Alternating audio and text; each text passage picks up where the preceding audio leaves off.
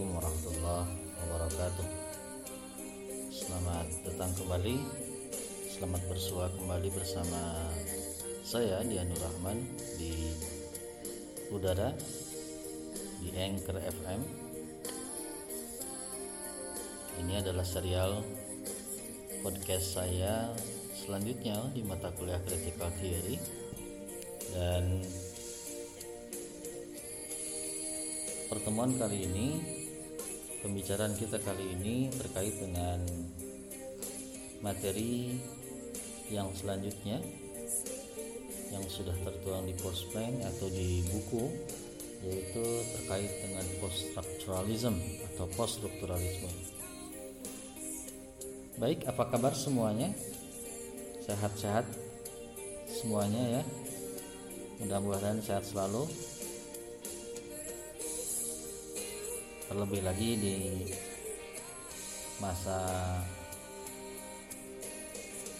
Ramadan kita kali ini Anda harus tetap sehat menunaikan ibadah puasa dengan lancar tetap sehat tetap semangat walaupun ibadah Ramadannya tentunya banyak dari rumah ya.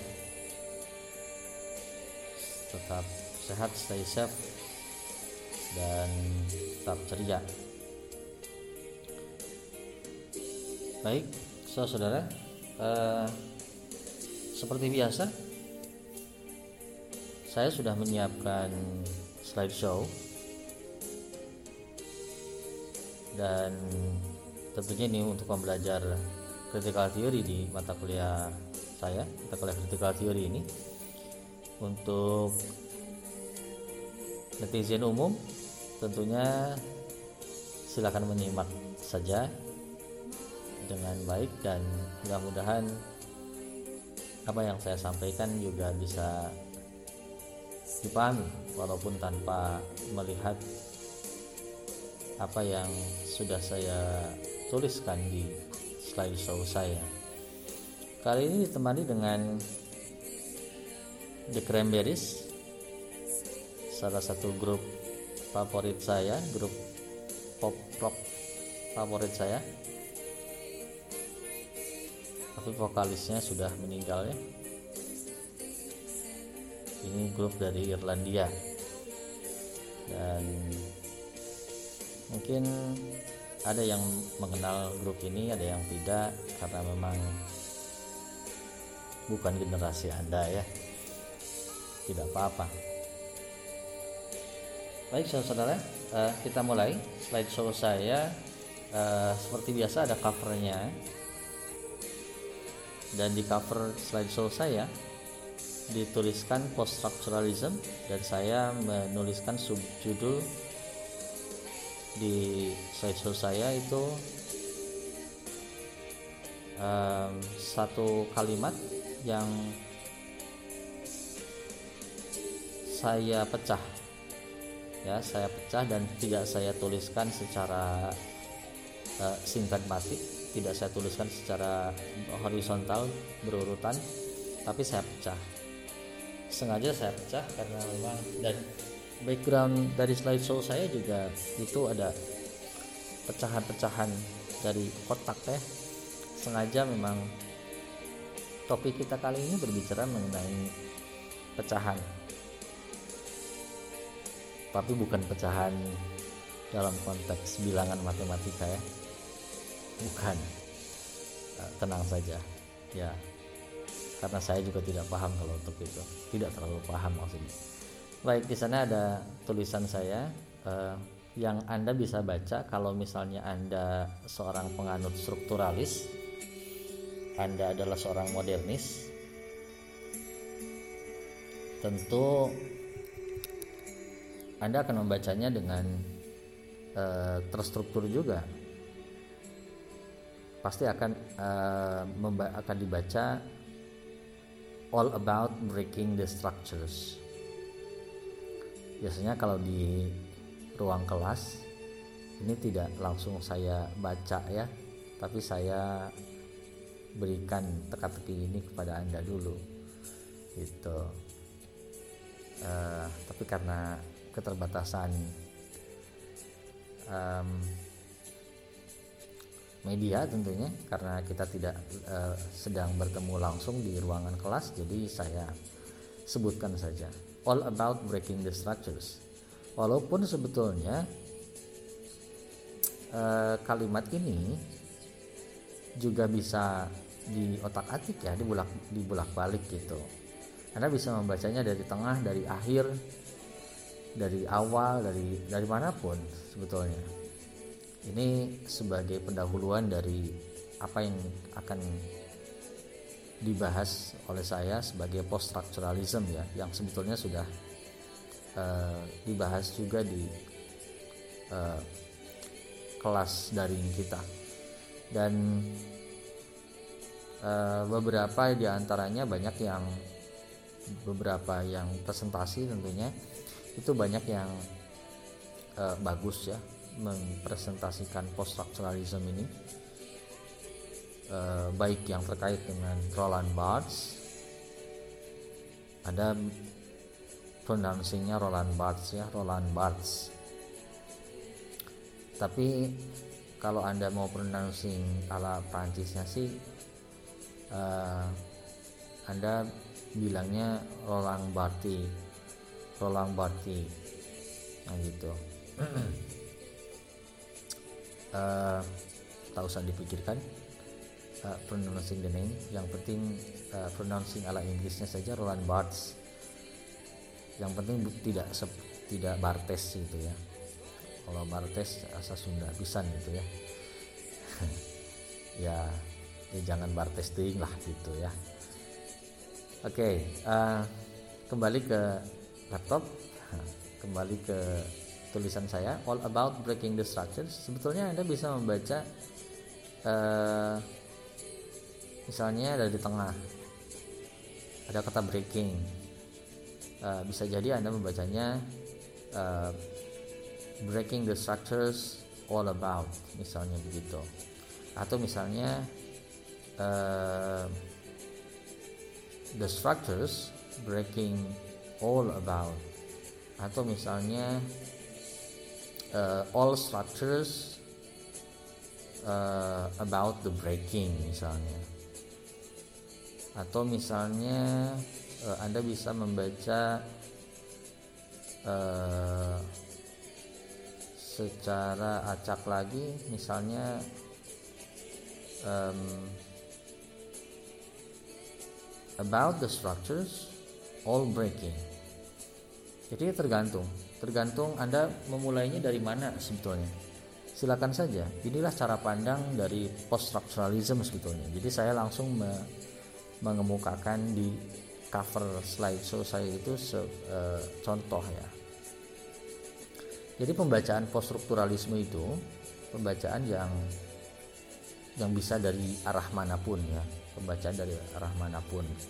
Walaupun tentunya pembacaan dari arah mana pun itu memiliki jaringan-jaringan eh, metodologisnya sendiri sih sebetulnya walaupun eh, apa yang disebut dengan metodologis, metode, prinsip dan sebagainya itu itu dicoba untuk ditolak oleh tokoh-tokoh poststrukturalisme. Eh, beberapa di antaranya tentunya yang kita bahas di uh, apa pertemuan kita yaitu Roland Barthes sama Jacques Derrida. Ya yang presentasi Jacques Derrida juga ada beberapa yang bagus ya di kelas dari kita kemarin. Uh, dan bisa memahami uh, teks yang uh, cukup rumit ya. Structure sign and play in the discourse of human sciences itu teks Derrida yang dianggap atau digadang-gadang sebagai teks yang uh, cukup rumit lah gitu untuk dipahami. Ya alhamdulillah anda beberapa dari anda ada yang cukup sukses mempresentasikan itu. Terima kasih bagi saya uh, apa bagi anda. Saya berikan apresiasi se tinggi-tingginya kepada Anda yang sudah berusaha sedemikian rupa untuk memahami gaya pembacaan poststrukturalisme terutama yang dari Jacques Derrida.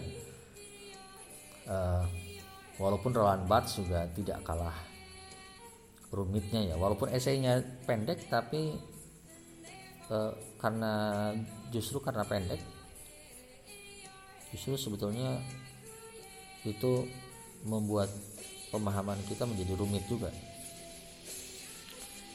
Baik itu uh, cover slideshow saya. Post structuralism um, all about breaking the structures. Kalau dibaca sebagai atau secara sintagmatiknya Saussure Anda membaca all about breaking the structures dan kita bisa menerjemahkan tulisan saya ini. Semuanya tentang bagaimana memecahkan struktur. Jadi memang struktur ini dianggap sebagai suatu hal yang yang koheren. Uh, sudah terlanjur dianggap sebagai suatu hal yang koheren sebagai suatu hal yang pasti yang absolut yang ultimate gitu ya. Um, dan itu berkat dari uh, Sausurian linguistik tentunya jadi kita sedikit um, review dulu Sausurian linguistiknya karena memang pembahasan poststrukturalisme tidak akan pernah bisa dijembatani secara lengkap kalau kita tidak memahami secara penuh uh, dan linguistiknya. Anda silakan buka kembali slide show saya terkait dan linguistik. Uh, yang jelas di dan linguistik itu ada empat dikotomi, ada empat um, binary oppositions. Yang pertama dan yang paling utama tentunya adalah binary opposition mengenai sign ada signifier dan signified. Uh, yang kedua adalah lang parol yang ketiga sintagmatik dan paradigmatik dan yang keempatnya adalah uh, apa uh, sinkronik diakronik saya selalu menyebutkan bahwa uh, Saussure itu selalu uh, mengunggulkan apa yang disebut pertama. Signifier signified misalnya. Signifier itu selalu diunggulkan ketimbang signified lang dan paro lang yang diunggulkan. Sintagmatik paradigmatik sintagmatik yang diunggulkan. Sinkronik dan diakronik sinkronik yang diunggulkan. Akan tetapi uh, anda bisa melihat bahwa uh, di dalam jaringan pemaknaan ala Saussure linguistiknya Saussure ini antara signify dan signified uh, uh, misalnya Anda bisa melihat bahwa itu ada ada sinkronisasi ada sinkronisasi bahwa uh, betul antara antara apa uh, konsep dengan signifiernya itu relatif arbiter. Nah, justru karena arbiter ini maka sebetulnya signified itu itu sebetulnya diragukan kemunculannya. Nah, ini gagasan awal dari poststrukturalisme gitu. Sedangkan Saussure eh, saya boleh pakai Sunda dong ya. Eh, apa ya kalau dalam bahasa Indonesia? Kalau bahasa Sunda itu gini ongkoh mah gitu apa ya ongkoh mah itu di dalam bahasa Indonesia uh, uh, carilah ya sendiri jadi begini ongkoh mah dia teh menerangkan. Ada arbiter sisi arbitrariness antara signifier dan signified tetapi kok signifiednya itu bisa pasti gitu. Kok signifiednya bisa pasti? Bisa ultimate bisa absolute gitu. Ketika kita men menyebutkan meja kok bisa absolut gitu ada ada konsep meja. Nah padahal kan arbiter harusnya bisa jadi bukan harusnya bisa jadi ketika kita menyebutkan meja yang tergambar di kepala orang itu hal lain. Nah gitu. Itu gagasan dasar dari bagaimana post structuralism itu menolak structuralism. Gitu. Menolak mengapa bagaimana structuralism ini sudah sudah tidak relevan lagi di dipertahankan. Seperti itu terutama konsep signifier dan signified itu. Uh, dan ini tentunya ada kaitannya dengan relasi-relasi um, filsafat barat atau perkembangan filsafat barat dari dari masa renaissance pasca renaissance ya. Itu di pasca renaissance. Uh, sehingga um, kita akan memulai konsep signifier dan signified di pasca renaissance ini terkait dengan intertekstualitasnya Laurent Barthes. Jadi uh, harus harus dibedakan ya ada ada dua ada dua metode. Kalau saya harus bilang metode ya. Jadi uh, ini ironi sebetulnya. Menjelaskan poststrukturalisme tetapi dengan dengan gaya strukturalis. Karena kalau menjelaskan poststrukturalisme dengan gaya poststrukturalisme, Anda tidak akan paham-paham ya, susah pahamnya gitu, karena akan selalu acak. Jadi gak apa-apa lah ironi ya, gak apa-apa paradoks mungkin. Atau bisa jadi ini adalah oksimoron atau apa terserah Anda bilang apa. Tetapi yang jelas eh, kalau ingin paham salah satu teori tentunya harus dijelaskan digambarkan secara struktural. Itu seperti minggu kemarin pekan kemarin saya menjelaskan eh, Marxisme misalnya itu terstruktur dari awal gitu ya dari awal dari eh, material production itu apa? Eh, manusia sebagai yang memproduksi materi misalnya dan sebagainya itu dari awal banget kan gitu. Jadi harus terstruktur. Termasuk ini. Jadi uh, jadi begini. Um, Barat di Middle Age di abad pertengahan itu mulai mengkonsepkan adanya author bapak-bapak gereja itu adalah author ya. Bapak-bapak gereja itu author. Dan konsep author ini sebagai signifier uh, dari signifiednya adalah teks gitu. Signifiednya adalah adalah karya gitu. Jadi bapak-bapak gereja ini memproduksi karya dan sebagainya. Dan konsep authorship ini itu dibawa sampai ke Renaissance. Jadi konsep konsep authorshipnya tetap dibawa sampai ke Renaissance. Sehingga uh, selalu akan ada relasi antara signifier kata author sebagai signifier yang signifiednya itu selalu adalah karya work. Gitu.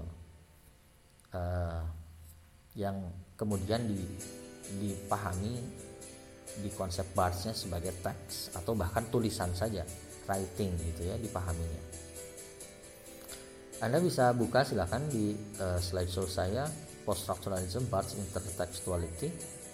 Oh ya tadi saya sebutkan ada dua metode. Di post-strukturalisme itu yang pertama adalah intertekstualitasnya Barthes ala Barthes yang kedua adalah dekonstruksinya ala Derrida gitulah kurang lebih. Nah, sekarang uh, saya akan menjelaskan dulu intertekstualitasnya ala uh, saudara-saudara uh, silahkan dibuka slideshow dan ini sebetulnya langsung saya petik dari uh, teksnya Barts dengan beberapa perubahan redaksi saya tentunya sedikit um, Anda bisa melihat di halaman 238 sebetulnya. Um,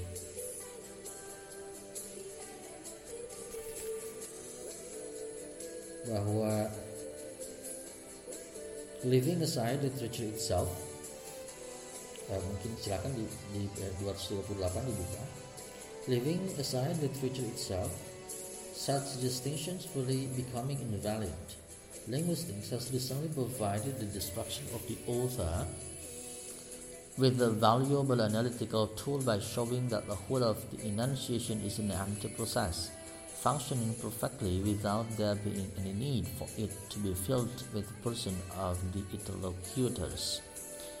Linguistically, the author is never more than the instance writing, just as I. Itu itu bukan bukan garis miring ya, itu salah cetak sebetulnya. Just as I itu I, i ya I itu sebetulnya. Just as I is nothing other than the instance of saying I. Language knows a subject, not a person, and this subject, empty outside the very enunciation which defines it, suffices to make language hold together, suffices that is to say to exhaust it. Uh, jadi begini, berdasarkan uh, teks yang barusan saya baca, ada ada ambiguitas sebetulnya di dalam linguistik juga. Um, di satu sisi di satu sisi linguistik ini memang menghendaki adanya penghancuran besar-besaran terhadap konsep author. Jadi author itu itu tidak ada kalau di dalam tulisan, di dalam teks. Kenapa tidak ada? Karena karena tidak ada yang mewakili yang dinamakan dengan author gitu. Da dari mana coba author itu ada? Gitu. Ketika misalnya Anda membaca membaca satu tulisan karya sastra atau apa pun tulisan apa pun sebetulnya ada kata aku di situ itu aku itu aku siapa gitu jadi um, di sini bisa dikatakan bahwa linguistics furnishes the destruction of the author melengkapi kehancuran dari konsep author. Gitu. Jadi strukturalismenya Saussure itu betul-betul memang menghilangkan sisi author authorship gitu. Nah karena konsep, aku misalnya kata kata aku di dalam satu tulisan atau kata kami di dalam satu tulisan itu tidak merujuk pada pada apa pun ya bahasa saja itu subjek gitu saya tulis di situ the speech act is in its entirety is an empty process. Jadi tindak tindakan bertutur di dalam bahasa, di dalam tulisan apalagi keseluruhannya itu adalah proses yang kosong. Secara linguistik, author itu tidak ada. Hanya penulis saja. Seperti halnya I is nothing but the one who says I gitu. Jadi begini, eh, konsep Renaissance itu menghendaki eh, adanya bahwa saya yang, saya yang mencipta pengetahuan gitu loh. Eh, ketika gaya ketika Sir Isaac Newton men, men, mengungkapkan gaya gravitasi, gaya gravitasi bumi. Kan gaya gravitasinya sebetulnya sudah ada. Gitu. Dari sejak dari sejak bumi diciptakan mungkin juga ya kan memang sudah ada gaya gravitasi itu. Cuma masalahnya adalah aku loh yang mengungkapkan kan gitu kata Sir Isaac Newton. Aku yang mengungkapkan aku yang mengungkapkan inilah yang kemudian menjadi menjadikannya ada konsep author gitu loh. Ada konsep author. Um, semuanya ilmuwan Renaissance begitu. Makanya kemudian di dalam filsafat Barat untuk Renaissance uh, ada antroposentrik ada keakuan. Aku yang berpikir yang kata Descartes itu ya aku yang berpikir gitu aku yang berpikir itu yang kemudian membuat uh, ilmu, membuat pengetahuan ada, membuat satu pusat, membuat signified, membuat adanya konsep gitu loh. Sehingga dari sana muncul yang nanti akan saya bahas kemudian di Derrida itu ada phonosentrism dan logocentrism. nah gitu nanti akan saya bahas ke, ke situ ya. Uh, ya contohnya ada di part sebetulnya. Gitu.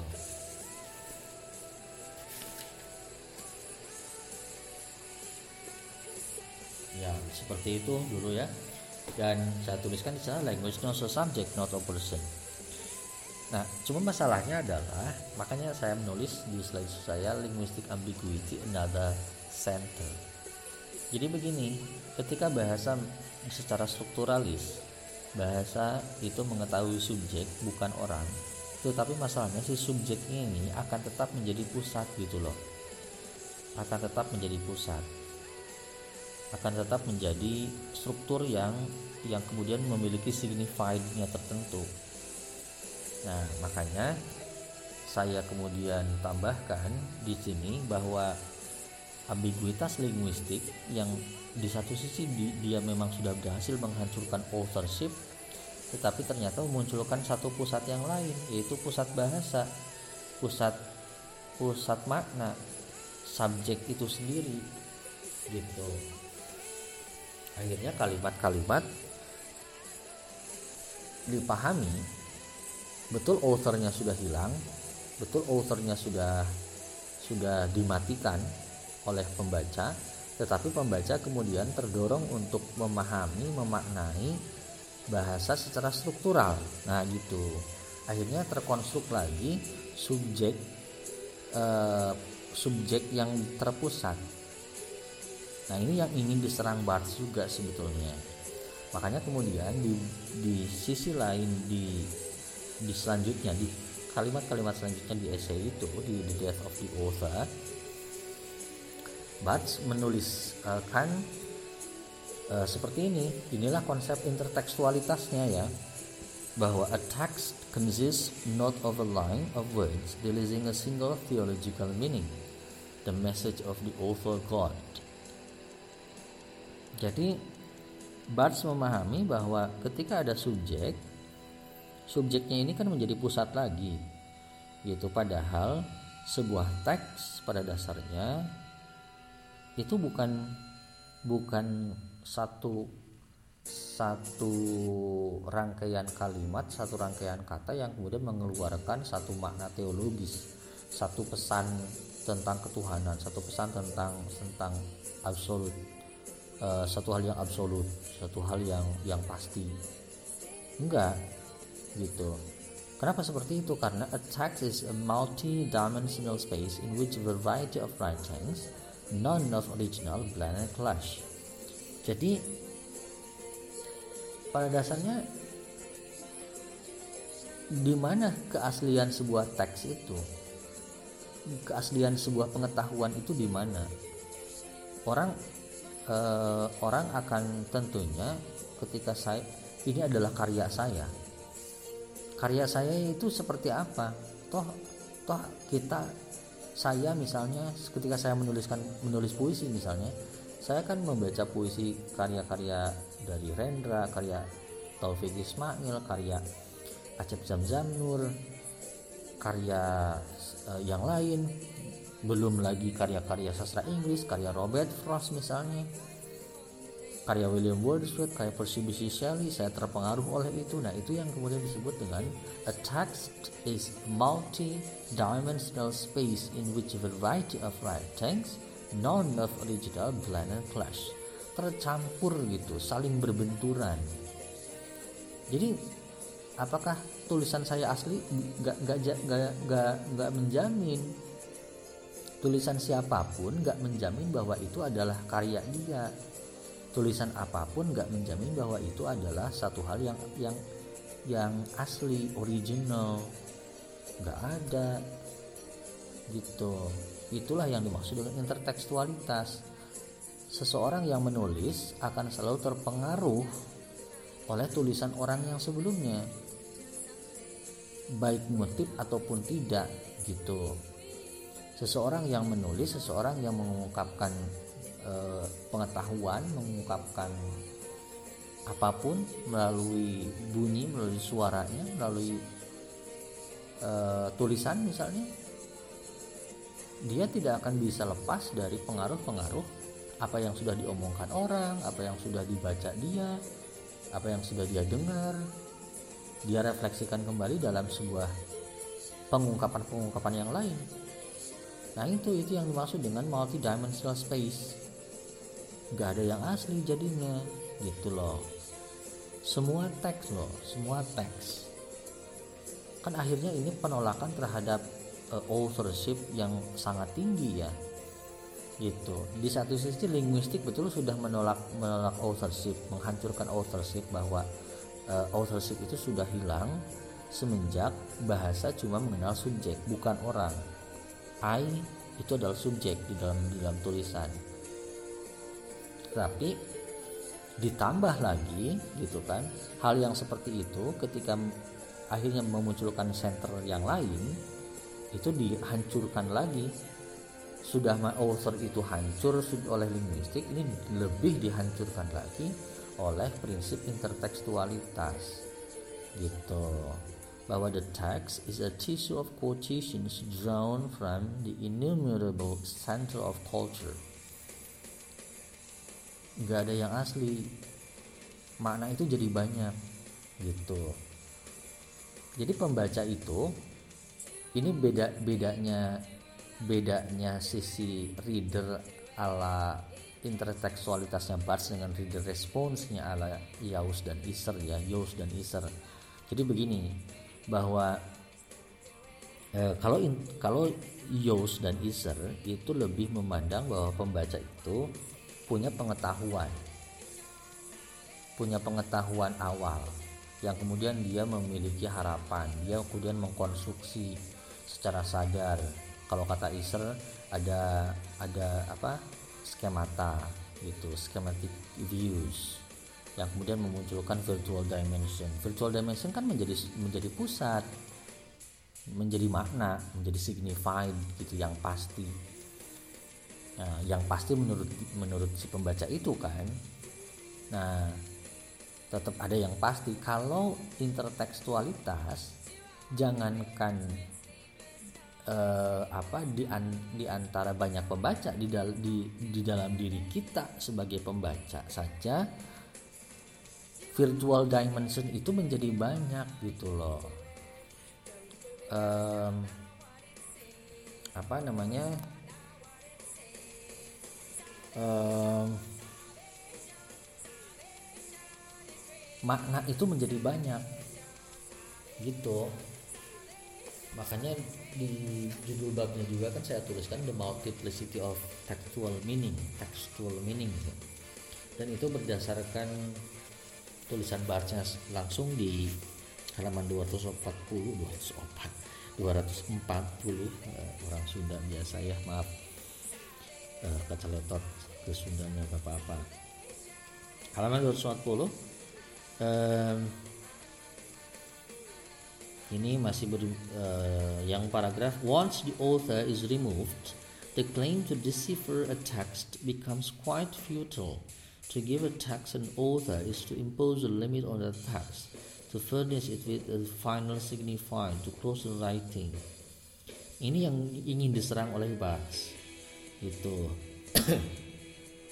lalu di tengahnya In the multiplicity, multiplicity of writing, everything is to be disentangled, nothing disapproved. Jadi nggak ada yang perlu diuraikan.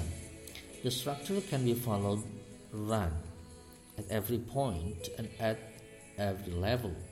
There is nothing beneath. The space of writing is to be ranged over, not pierced. Writing ceaselessly posits meaning ceaselessly to evaluate it, carrying out a systematic exemption of meaning.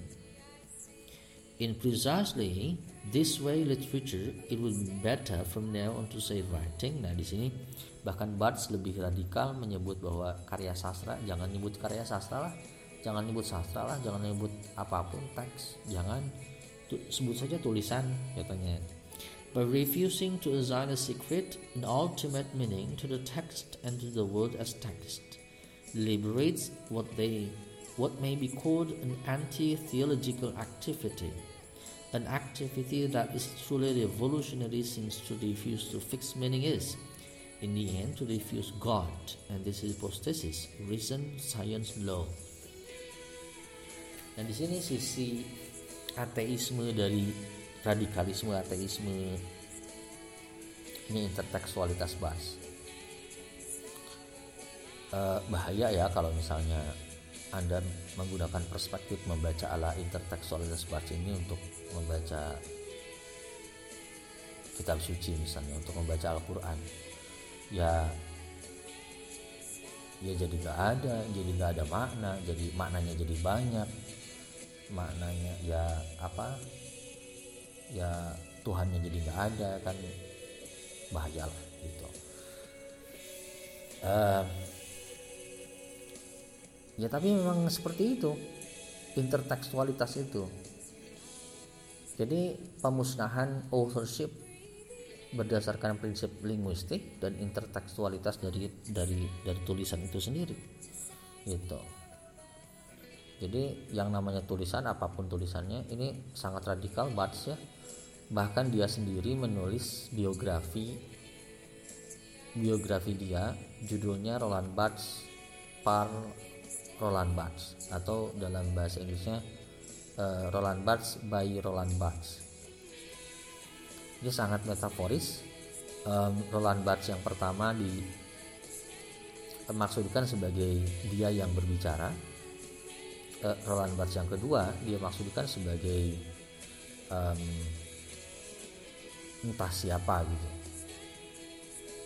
Jadi dianya sendiri tidak mau uh, apa meng, tidak mau mengajak pembaca untuk memahami satu makna saja gitu terhadap apa yang dia tuliskan juga. Jadi eh, makna itu menjadi banyak plural apa pun bisa bisa ditafsirkan nah bedanya itu tadi bedanya dengan intertekstualitas Barnes dari Yos dan Iser ya yang reader response itu ya kalau intertekstualitas itu tetap jalinan jalinan bahasa, jalinan teks bukan bukan berdasarkan prinsip uh, psikolinguistik bukan. Kalau reader response kan ada ada ada bagian psikolinguistiknya gitu loh. Ada bagaimana kesadaran kita membentuk proses membaca gitu kan pengetahuan awal kita itu membentuk proses membaca kita kan itu psikolinguistik.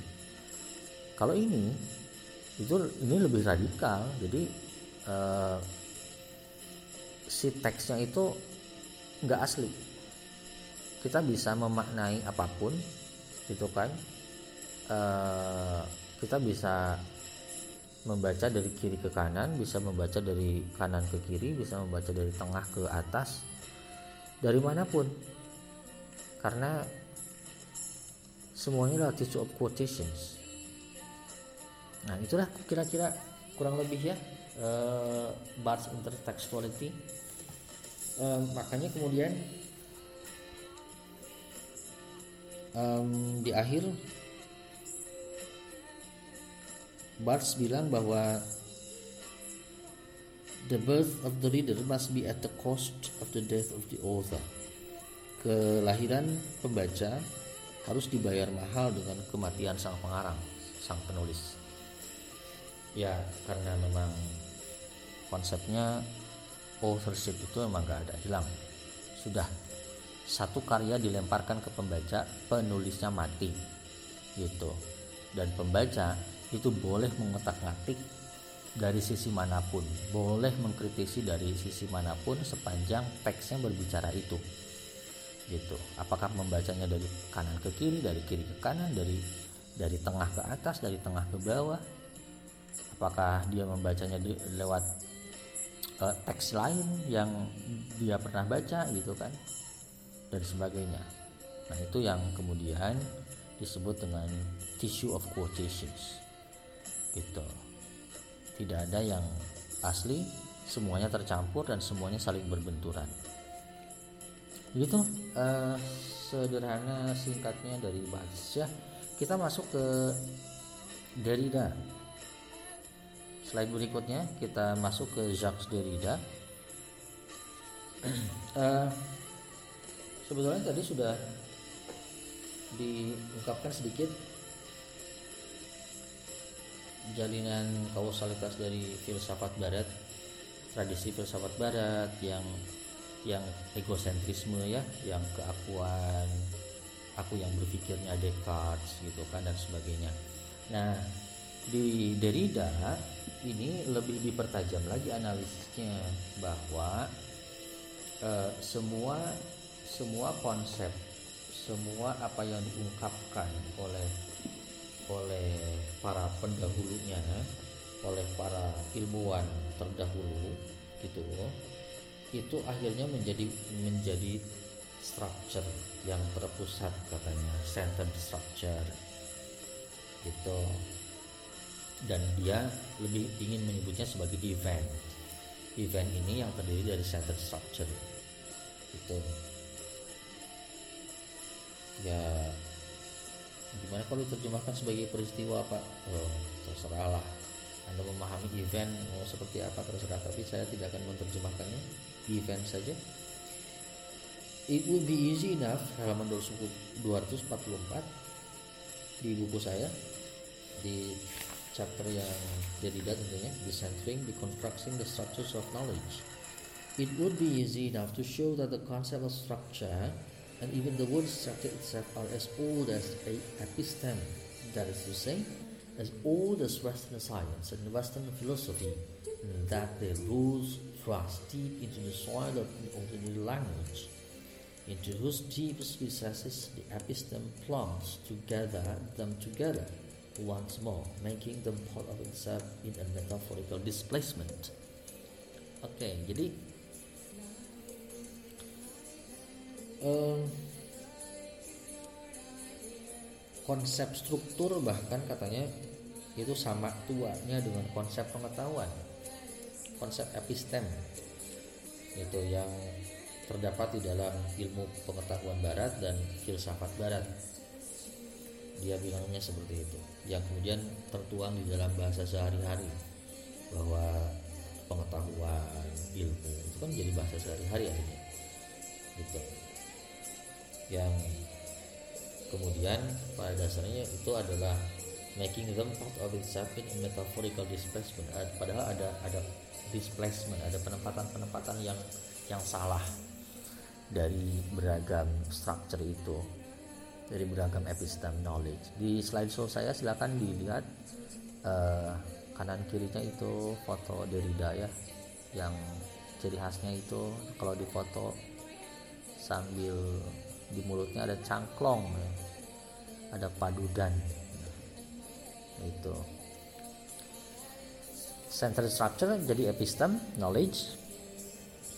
Jadi eh, set, bahkan setiap kata bahkan satu kata yang diucapkan oleh oleh seseorang itu menjadi menjadi pusat menjadi makna menjadi menjadi pengetahuan jadinya Nah itulah yang kemudian disebut turunannya itu jadi phonocentrism, the living voice atau logocentrism, the ultimate word or meaning. Jadi sejak filsafat barat, jadi gini ya, filsafat barat itu karena egosentrisme, keakuan dia yang berbicara. Jadi fonocentrik. Uh, ada ada kehadiran gitu, ada presence. Jadi ilmu pengetahuan yang benar itu selalu merupakan satu bentuk kehadiran keakuan satu bentuk kehadiran si aku yang berbicara gitu loh. Makanya um, filsafat barat dari awalnya itu mencurigai tulisan. Tulisan itu sebagai secondary truth kebenaran sekunder. Karena kebenaran primernya itu adalah aku yang ngomong gitu loh. Nah kayak sekarang saya berbicara nih aku ngomong kayak gini nah ini saya saya sedang sedang uh, apa berada dalam konsep fonocentrisme the living voice gitu. Beda halnya kalau saya menulis gitu loh ya. Kan tadi ya yang Barthes itu linguistik itu cuma mengenali subjek bukan person. Author itu hilang gitu kan jadi dicurigai tulisan itu selalu dicurigai sebagai bentuk sekunder e, kebenaran. Gitu. Makanya e, ketika tulisan akhirnya harus ada tulisan akhirnya dimaknai juga sebagai logosentrisme gitu loh sebagai kata yang memiliki memiliki kepastian makna, kepastian pengetahuan, kepastian struktur gitu bahwa uh, ketika misalnya uh, Anda bilang I go to Jakarta yesterday uh, pada dasarnya kan Anda paham. Tetapi bagi korektor-korektor grammar di mana pun Anda berada biasanya Anda langsung oh I went to Jakarta yesterday karena ada penanda yesterday-nya lalu kemudian Anda langsung mengkoreksi secara langsung secara radikal. I went I went bukan go. Nah gitu. Nah nah itu yang dimaksud dengan um, logosentrisme. Jadi seolah-olah Anda memiliki satu bentuk kepastian struktur bahwa kalau bicara I go to Jakarta yesterday itu salah. Gitu padahal kalau bentuk komunikasinya jalan kenapa harus disalahkan? Gitu loh. Ini cara berpikir post strukturalis ya bukan cara berpikir strukturalis. Gitu. Jadi itu yang maksud dengan fonosentrisme the living voice. Saya sedang berbicara ini the living voice. Logocentrism apa yang saya ungkapkan akhirnya didengarkan oleh Anda, dipahami oleh Anda menjadi satu satu bentuk pemahaman, satu bentuk kebenaran seolah-olah. Padahal bisa saja apa yang saya omongkan di sini adalah kebohongan belaka. Jangan percaya. Gitu. Gak usah percaya apa yang saya omongkan. Itulah kalau kalau kalau berpikirnya ala Derrida ya, ala ala ala dekonstruksi gitu atau ala intertekstualitas Barthes juga sama gitu nah ketika fonosentrisme the living voice logosentrisme di ultimate word meaning ini bersatu itu bersatu di dalam tulisan maka tulisan itu seolah-olah mengambil alih living voice gitu loh. Sehingga authorshipnya tetap ada cent, uh, sorry authorshipnya hilang tetapi centernya tetap ada gitu loh. Tapi pengetahuannya tetap ada pengetahuan yang pastinya seolah-olah ada gitu ketika anda membaca e, satu buku teori anda kemudian paham seolah-olah benar saja seperti itu padahal jaringan-jaringan kalimat yang anda baca itu bisa jadi ada ada kontradiksi. Nah gitu. Itulah yang kemudian eh, kita sebutkan sebagai fonosentrisme dan logosentrisme di dalam filsafat barat atau di dalam ilmu pengetahuan apa pun sebetulnya pengetahuan apa pun. Gitu. Itu menjadi kebenaran gitu. Truth dan lalu Derrida itu geram dengan itu. Kok bisa-bisanya manusia percaya saja dengan struktur authorshipnya kan udah hilang. Keakuan di dalam di dalam teks di dalam tulisan kan keakuan authornya udah hilang. Authornya udah udah dimatikan itu kan authornya udah dimatikan. Tetapi kenapa kita masih memahami kebenaran cuma tunggal saja dalam satu teks? Itu. Apakah kemudian I go to Jakarta yesterday itu tidak bisa dibenarkan? Gitu. Kenapa kenapa terus-terusan disalahkan? Gitu. Jadi eh, seolah-olah struktur eh, sistem kemudian mekanisme alam yang mengatur kebenaran gitu kan itu menjadi menjadi sumber yang pasti yang kemudian diadopsi oleh tulisan. Padahal tulisan tulisan itu selalu berjarak gitu kan selalu berjarak. Makanya uh, tetap akan akan ada perbedaan. Kalau misalnya saya ada saya ikut ikut diskusi di uh, eh, WAG kita kelas on kelas daring kita misalnya dan saya ikut menjelaskan pakai uh, chat metode chat uh, apa maksudnya via chat gitu ya. Tetap saja selalu akan ada yang miss gitu. Beda dengan misalnya kalau saya bicara begini uh, walau ya ya maksudnya gini. Jangankan tulisan jangankan tulisan yang berjarak yang sangat berjarak gitu ya. Dengan adanya uh, simbol dengan adanya signifier. Kan rangkaian huruf itu signifier ya. Beda dengan anda mendengarkan melalui telinga anda saya berbicara begini kan signifiernya signifiernya langsung gitu loh masuk di dalam di, di telinga anda.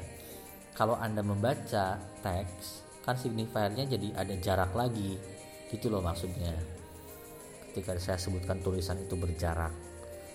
Ya jangankan tulisan yang berjarak ketika saya menjelaskan seperti ini pun bahkan ketika saya menjelaskan di ruang kelas pun bisa jadi ada yang tetap bengong ada yang nggak ngerti ada yang nggak paham. Begitu gitu kira-kira ya fonosentrisme dan logosentrisme itu. Makanya kok dia Derrida itu geram kok bisa-bisanya orang percaya hanya dengan satu kebenaran gitu. Kok eh, orang itu mempelajari bahasa mempelajari metafor mempelajari yang lain tapi kenapa hanya memunculkan satu kebenaran gitu. Jangan-jangan semuanya salah. Jangan-jangan e, memang tidak ada kebenaran tidak ada makna. Gitu. Kalau Barthes itu merayakan makna itu banyak tidak ada makna yang tunggal the multiplicity of textual meanings kalau Barts eh sorry kalau Derrida pertanyaannya jangan-jangan justru nggak ada makna sama sekali gitu loh jangan-jangan nggak nggak ada center nggak ada pusat.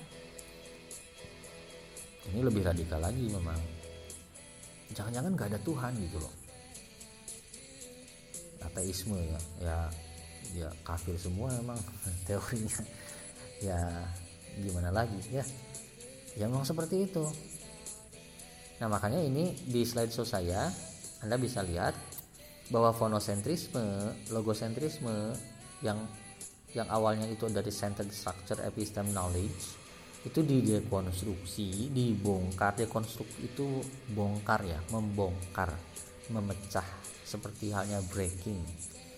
Yang namanya breaking, yang namanya membongkar itu mempreteli. Memecahkan itu tidak berarti merusak, gitu uh, deconstruction itu bukan destruction deconstructed or decentered by the two perspectives. Saya sengaja saya saya nyatakan dengan istilah perspektif. Tidak prinsip tidak tidak metode tidak apa pun. Karena Derrida-nya sendiri meng, menghendaki tidak ada metode sama sekali gitu di dalam di dalam poststrukturalisme di dalam dekonstruksi. Karena ini bukan bukan bukan apa ya satu bentuk penelitian bukan satu bentuk apa cara membaca saja jadi perspektif. Ada dua perspektif yaitu free play dan difference. Difference. Nah saya akan jelaskan satu-satu secara singkat. Free play. Free play ini uh, di apa? Di hampir uh, di hampir semua di hampir uh, keseluruhan tulisannya di Structural Science and Play the Discourse of Human Sciences ini itu ada free play. Ada istilah free play. Uh, oh iya uh, yang center structure episteme knowledge itu halaman 246 dibaca saja ya. Dari mulai yang uh, oh 245 the center is at, is at the center of the totality and yet since the center does not belong to the totality the totality has its center elsewhere. Um, ya silakan dibaca. Jadi penjelasannya tadi sudah. Jadi keterpusatan keterpusatan ilmu itu ada di mana-mana sebetulnya. Kan gitu. Sehingga perjalanan dari uh, fonosentrisme dan logosentrisme ini adalah substitusi perpindahan saja dari dari pusat satu ke pusat yang lain di halaman 226 nya yang kemudian fonosentrisme logosentrisme ini menjadi Archegos, Arcade, Telos, Energia, Aletheia dan sebagainya. Nah baru kemudian ada gangguan. Gitu ternyata fonosentrisme logosentrisme ilmu pengetahuan yang terpusat struktur yang terpusat itu ternyata itu terkontradiksi oleh prinsip bahasanya sendiri. Gitu. Bahwa bahasa itu se sejujurnya hanya dipahami sebagai permainan tanda. Gitu. Di halaman 228 Anda bisa membaca ya for the signification sign has always been comprehended and determined. And in its sense a sign of signify referring to a signified. Signifier different from its signified. If one erases the radical difference between signify and signified it is the word signify itself which ought to be abandoned as a metaphysical concept. Inilah yang dimaksud free play gitu. Yang kemudian juga nyambung dengan difference uh, di bahasa Prancisnya dibacanya pengucapannya difference uh, nulisnya mirip di dalam bahasa Inggris difference. Uh, tapi e yang pertama itu ada curugnya difference jadi bacanya e difference nah uh, akhirnya yang menjadi kebenaran yang menjadi metaphysical konsep katanya konsep metafisis. Konsep jadi metafisis itu yang ya kan namanya juga metafisik. Fisik itu yang hadir metafisik berarti yang yang abstrak yang tidak hadir. Itu yang tidak fisik yang tidak berupa fisik di luar fisik. Jadi yang yang berupa abstrak kebenaran yang abstrak itu ditumpahkan semuanya pada signifier. Itu berarti ada free play nah konsep free playnya memang adanya di akhir penjelasannya ya. Penjelasannya ada di akhir tulisan ini. Yang yang yang presenter presenter presenter yang di diskusi kita juga mengungkapkan ini. Free play is always an interplay of absence and presence. But if it is to be radically conceived di halaman 262 ya. But if oh mana yang barusan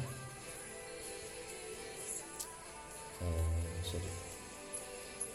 Uh, but if it is to be radically conceived free play must be conceived of before the alternative of presence and absence. Being must be conceived as a presence or absence beginning with the possibility of free play and not the other way around.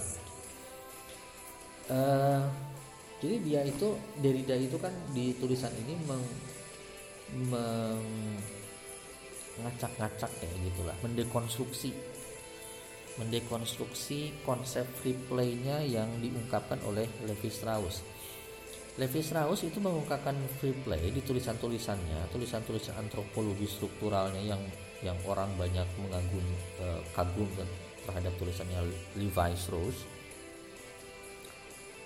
Ternyata banyak sekali kejanggalan di dalam tulisan Levi Strauss itu itu diakibatkan oleh bahwa ternyata banyak sekali permainan tanda bahasa yang saling berkontradiksi satu sama lain di dalam teksnya Levi Strauss. Gitu. Itu yang dimaksud dengan free play. Jadi ada kehadiran si si si logos tetapi juga akhirnya ada juga ada presence tapi juga ada absence ada hilang.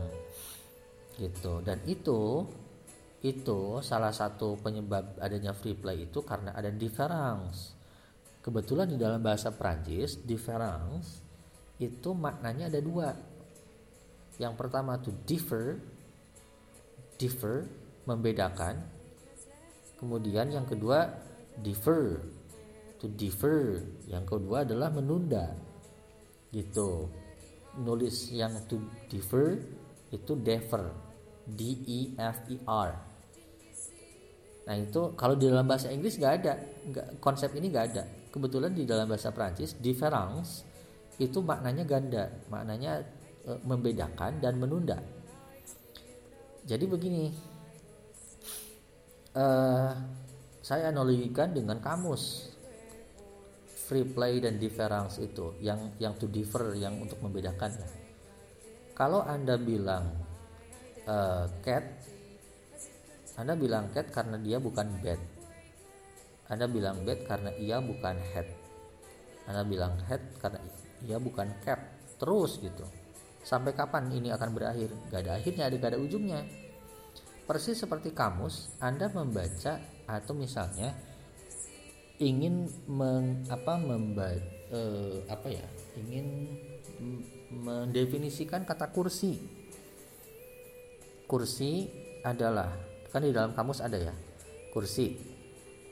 E, benda berkaki digunakan untuk duduk yang memiliki sandaran. Misalnya begitu. Emangnya di dalam kamus tidak ada kata duduk? Karena ada. Duduk. Duduk definisinya apa? Terus jadi penjelasan satu kata itu hanya bisa dijelaskan oleh kata yang lain. Lalu signified itu mana? Sebetulnya kan nggak ada jadinya. Kalau satu kata, satu signifier hanya bisa dijelaskan eh, hanya bisa dimunculkan signifiednya oleh signifier yang lain kan jadinya yang ada cuma signi, rangkaian signifier doang jadi signifier dijelaskan oleh signifier yang lain jadi signified. Gitu kan?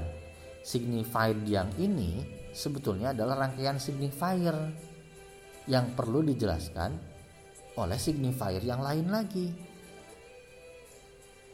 Sampai kapan berakhir? Kan gak ada ujungnya. Kamus itu gak ada ujungnya kan? Gitu. Gak ada ujungnya. Nah itu. Jadi kebenaran itu yang mana ada gitu kebenaran kan gak ada jadinya. Gitu loh.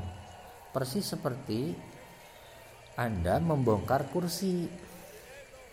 Tadi saya contohkan di kamus kursi sekarang bendanya anda bongkar kursi. Sandarannya anda bongkar. Misalnya kursinya itu gabungan dari kayu ada kain ada apa gitu kan bongkar kainnya lucuti e, baut-bautnya gitu kan. Kursi citos lah yang ada di kampus gitu. Anda bayangkan yang suka anda duduki di di ruang kelas. Kayunya lepas dibongkar kayu apa e, plastiknya lepas dibongkar. Baut-bautnya dilepas. Udah lepas semuanya. Ada kursi. Saya nanya ada nggak kursi? Kan gak, kan nggak ada jadinya. Yang ada itu adalah cuma baut. Yang ada plastik. Yang ada apa? Kayu besi. Gitu kan? Nah gitu. Jadi besi itu besi hanya bisa dijelaskan oleh oleh kata yang lain kan? Hanya bisa dijelaskan oleh oleh oleh benda-benda yang lain. Oleh signifier yang lain. Nah gitu. Jadi makna difference. Yang kedua selain membedakan adalah differ. Atau nulisnya differ, differ nulisnya gitu ya.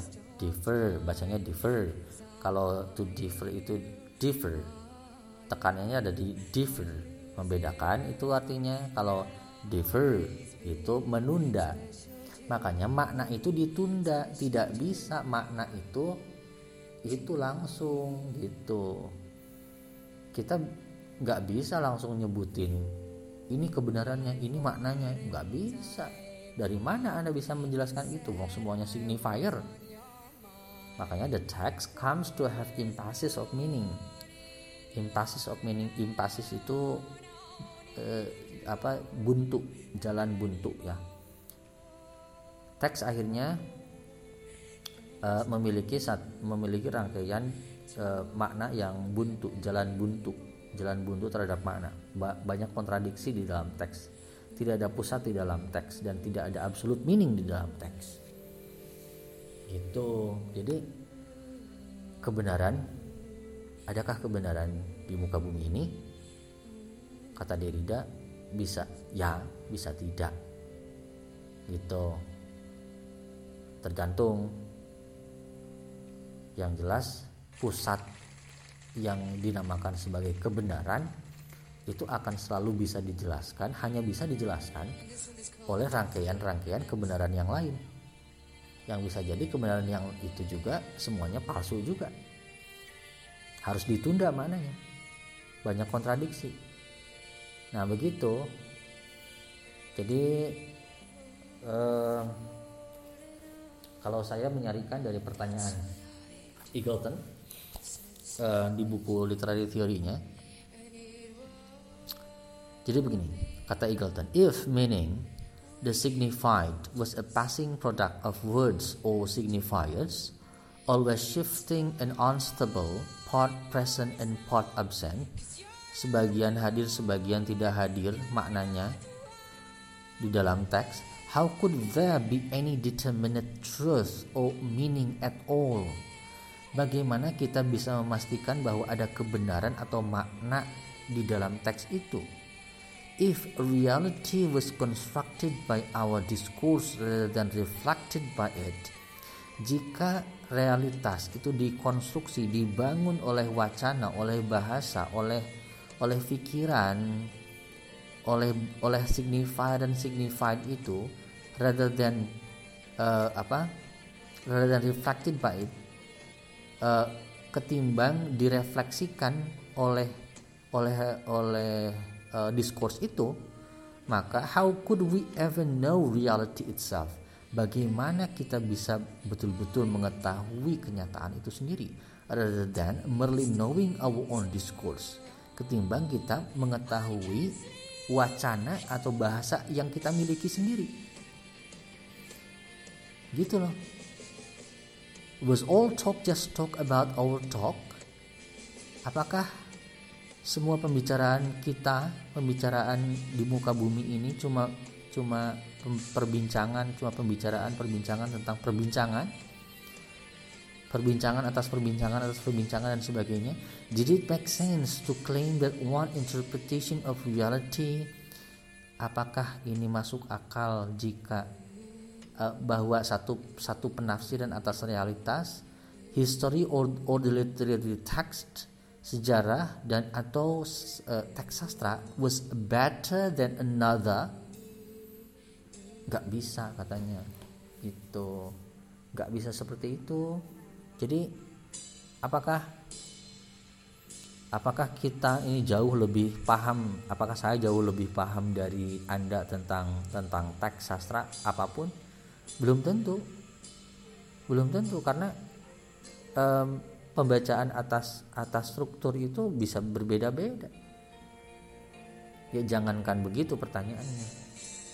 Asumsinya jangan-jangan apa yang saya omongkan di sini itu juga bohong belaka. Jangan-jangan loh ya. Bahasa Sundanya ulah-ulah. Seperti itu saudara-saudara, itulah dekonstruksi bongkar membongkar atas wacana, atas teks, atas atas beragam fonosentrisme, logosentrisme. Sudah panjang sekali satu jam. Seperti biasa lebih ternyata e, mungkin e, rekaman saya coba dilihat satu jam 9 menit. Nah udah terlalu panjang lah. Terima kasih. Itu saja yang kemudian bisa saya sampaikan. E, silahkan berpikir e, secara kritis. Tentunya ada banyak hal yang bisa kita ambil manfaat dari gaya berpikir Roland Barthes dan Jacques Derrida dari The Death of the Author dan Structure Science by in the Discourse of Human Sciences. Tapi juga yang yang buruk-buruknya karena kita manusia beriman karena kita adalah umat muslim kalau anda masih mengakui sebagai umat muslim tentunya ada hal-hal sisi-sisi yang kemudian juga bisa tertolak. Atau atau atau kalau saya sih berpikirnya begini. Uh, ketika Derrida mengungkapkan dekonstruksi poststrukturalis intertekstualitas dan sebagainya justru uh, Al-Quran sendiri itu bagi saya itu sudah mendahului gitu mendahului teori dekonstruksi ini. Um, bagi saya Al-Quran itu jauh lebih agung jauh lebih sudah mendahului dekonstruksi ini. Justru Al-Quran itu di satu sisi strukturalis di sisi lain post struktural di sisi lain lagi sangat feminis. Semuanya sudah ada di dalam Al-Quran. Contoh kenapa misalnya saya menyebutkan poststrukturalis atau e, sudah dekonstruktif? Al-Quran itu kan tidak tidak tidak tematis gitu ya. Jadi kalau anda kalau anda mau mau mencari e, misalnya ayat tentang e, sur e, apa tentang surga dan neraka kan itu ada di semua surah. Hampir ada di semua surah. Nah seperti itulah itu gaya gaya yang yang sudah dekonstruktif menurut saya. Jadi cara berpikirnya tidak tematik. E, makanya kemudian kan ada tafsir maudhu'i misalnya, ada tafsir tematik. E, yang khusus misalnya berbicara tentang kesehatan di dalam Al-Qur'an, berbicara tentang iman, berbicara tentang sosial kemasyarakatan. Tafsir maudhu'i, tafsir tematik. Eh tafsir kok tem maudhu'i bukan maudhu'i maudhu'i atau apa ya? Saya lupa lagi. Bukan ahli tafsir saya bukan uh, uh, ya mau kalau salah maudhu'i ya uh, ya seperti itu. Jadi um, Al-Qur'annya sendiri itu sudah sudah sudah memperlakukan gaya dekonstruktif. Mendahului lah sudah mendahului gitu. Mau dibaca secara struktural itu sangat bisa Al-Quran itu dibaca secara dekonstruktif sangat bisa gitu ya gitu. Ya ya silakan saja anda membaca surah An-Nur misalnya. Itu begitu dramatis di awal berbicara tentang hukuman bagi para bezina misalnya. Tapi di tengah-tengah ayat misalnya begitu indah begitu metaforis berbicara tentang perumpamaan Tuhan eh, apa yang Allahu nurus samawati wal ard mathalun nurihi kamiskati uh, dan sebagainya itu di tengah-tengah surah An-Nur itu sangat puitis sekali jadi itu dekonstruktif bagi saya itu uh, pemecahan-pemecahan yang memang bagaimana kemudian manusia suruh di, disuruh untuk berpikir mengotak-ngatik beragam tanda di dalam Al-Quran. Jadi makna itu sangat kaya. Makna itu harus ditunda. Anda membaca membaca satu surah nggak bisa serta merta langsung satu surah itu maknanya pusatnya ini nggak bisa. Nggak bisa. Al-Quran itu sudah sangat dekonstruktif dalam hal ini. Gitu. Begitulah kira-kira ya. Jadi keuntungannya mungkin membacanya begitulah. Jadi jangan jangan kemudian dibaca bahwa oh kalau baca Al-Quran lewat dekonstruksi Tuhannya nggak ada jadi ateis wah itu bahaya juga ya apa jadi ambil ambil hikmahnya dari membaca dengan cara dengan gaya seperti ini sudah cukup terima kasih itu saja Uh, terima kasih atas segala perhatian Anda semua. Mudah-mudahan tidak jenuh, tidak bosan mendengarkan ocehan saya di Anchor FM. Uh, eh, anda bisa unduh juga di Spotify, di Google Podcast uh, dan sebagainya. Mohon maaf atas segala kekurangan saya. Uh, semua yang bisa dipahami, semua yang benarnya tentunya datang sepercik pengetahuan dari Allah Subhanahu wa taala. Apa yang salah dari ungkapan-ungkapan saya tentunya itu adalah saya sendiri uh, stay safe semuanya tetap sehat tetap ceria tetap semangat puasanya lancar jangan bocor jangan godin. Awas. Uh, para cowok nih banyak yang godin. Jangan godin ya. Uh, kalau di rumah anda tentu jarang godin ya. Uh, makanya alhamdulillah nih yang suka godin godin kalau di kosan sekarang di rumah nggak bisa godin. Oke, baik. Demikian saudara-saudara. Sekali lagi mohon maaf atas kekurangan saya. Terima kasih atas segala perhatiannya uh, persembahan terakhir sedikit lagu dari Cranberries lagi. Assalamualaikum warahmatullahi wabarakatuh